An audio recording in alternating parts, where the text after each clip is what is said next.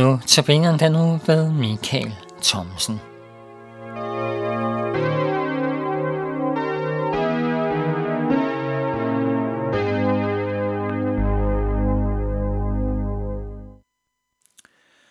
Velkommen til Notabene. Som indledning skal vi bare lige høre to vers fra Matteus evangeliet kapitel 12. Der står fra vers 31, og det er Jesus, der siger, Derfor siger jeg jer, al synd og bespottelse skal tilgives mennesker, men bespottelsen mod ånden skal ikke tilgives.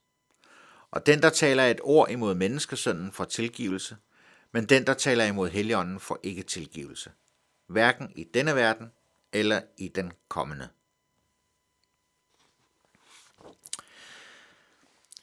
En kvinde elsker en mand. Hun har stor kærlighed til ham, og hun prøver på alle mulige måder hele tiden at vise ham sin kærlighed. Hun prøver også at gøre livet omkring dem så behageligt som muligt. Hun appellerer til hans følelser og hans intellekt. Hun gør sig umage med kun at yde det bedste. Hun bærer over med hans særheder og endda også hans fejl. Hun gør alt, hvad hun kan for at indynde sig hos ham. Og det er ikke, fordi hun er nyforelsket. Hun har faktisk, faktisk elsket ham i mange år, og finder det helt naturligt, at hun til stadighed appellerer til hans kærlighed. Hun er ikke sådan en selvudslættende kvinde, der kun ser det som sin opgave at behage manden. Det er heller ikke, fordi hun er sådan en, der glider i et med tapetet.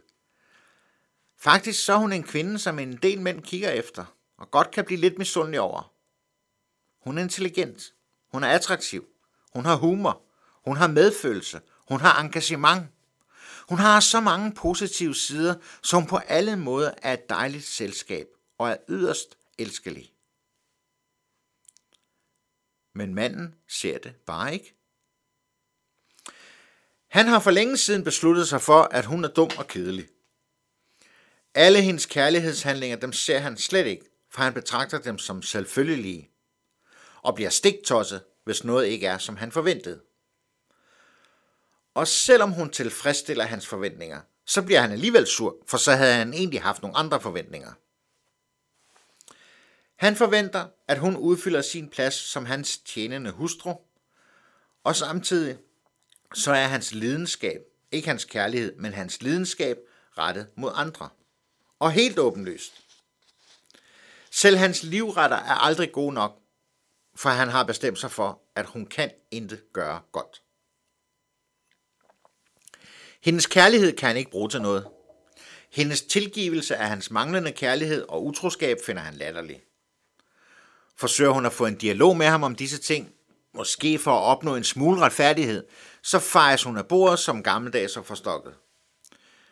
Hvis han endelig åbner øjnene for noget positivt ved hende, så bliver det bare betragtet som bod for alle de fejl, der ellers er ved hende. Og sådan går den ene dag efter den anden. År efter år. Hun elsker ham og forsøger ustandsligt at nå ind til det hjerte, som engang bankede for hende. Og han lægger større og større afstand til hende. Hendes kærlighed siger ham intet. Hendes tilgivelse regner han for intet, for hvad er der at tilgive? Han ser overhovedet ikke ægtheden og sandheden i hende, for han har bestemt, at hun er ingenting. Hun kommer aldrig ind i ham, og han tager hende aldrig ind til sig. Hun elsker og har kærlighed til ham, men han nyder ikke den kærlighed, og kan derfor heller ikke nyde godt af den. Kan man fortænke denne kvinde i en dag at have fået nok? Kan man fortænke hende i en dag at holde sine kærlighedshandlinger tilbage? Kan man fortænke hende i ikke længere at kunne tilgive og stadig elske? Når nu han ikke vil have hendes kærlighed, kan man fortænke hende i en dag at nå dertil? Det synes jeg ikke. Jeg vil godt kunne forstå hende. Konstant nedgørelse, konstant at blive trådt på, konstant at blive fejret af bordet som noget ulækkert og usandt, konstant at blive forhånet og latterliggjort og overset. Jeg vil godt kunne forstå, hvis hun en dag sagde, stop, nu kan jeg ikke mere.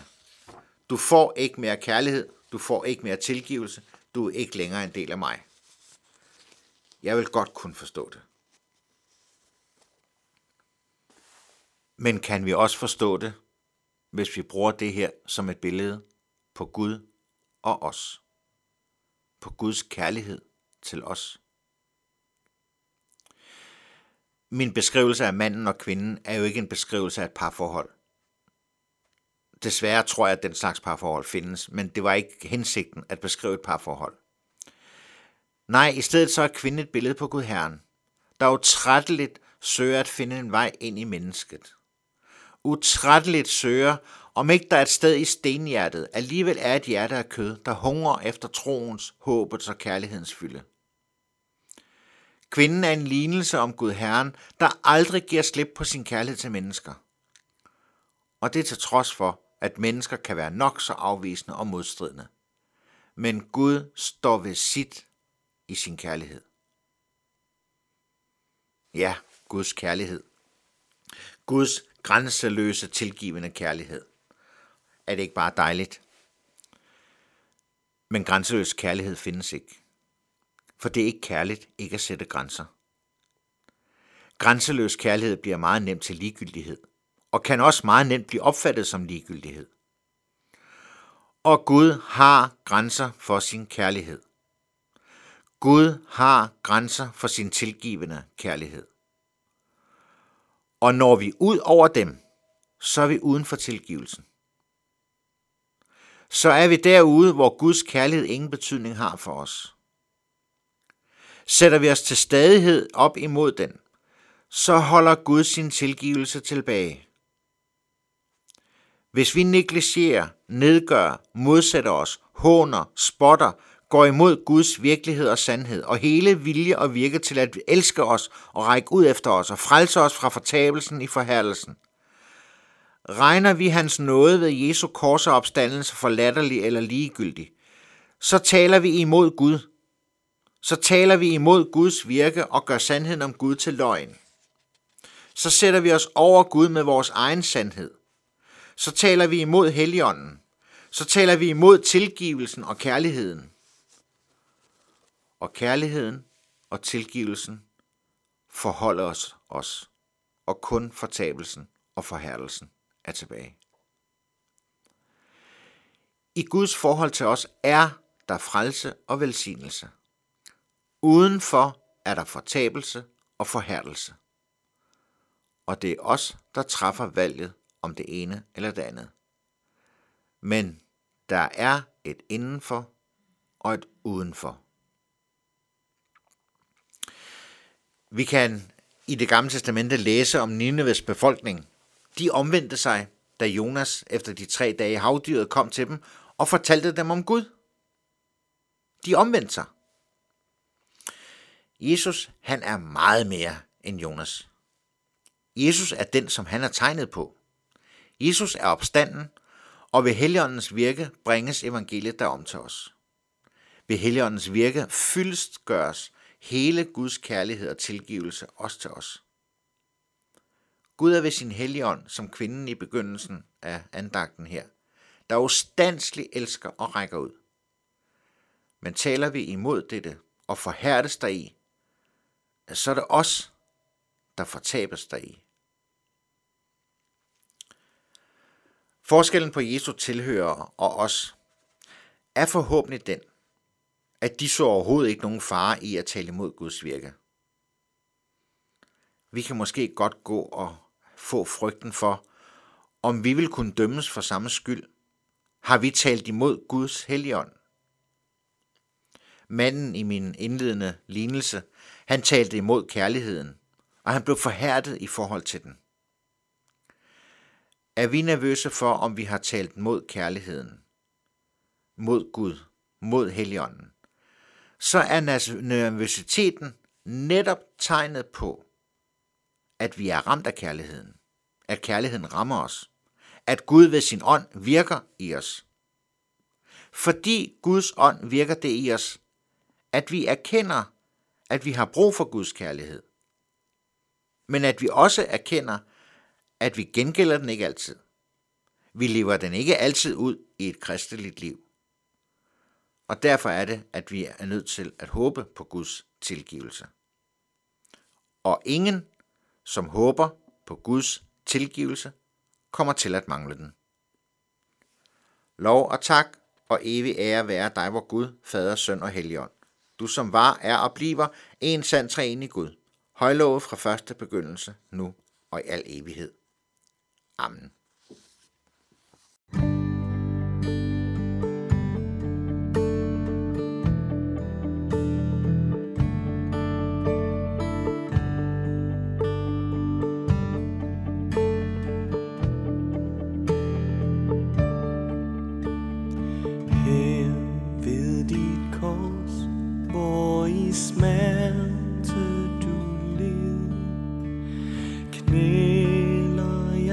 Her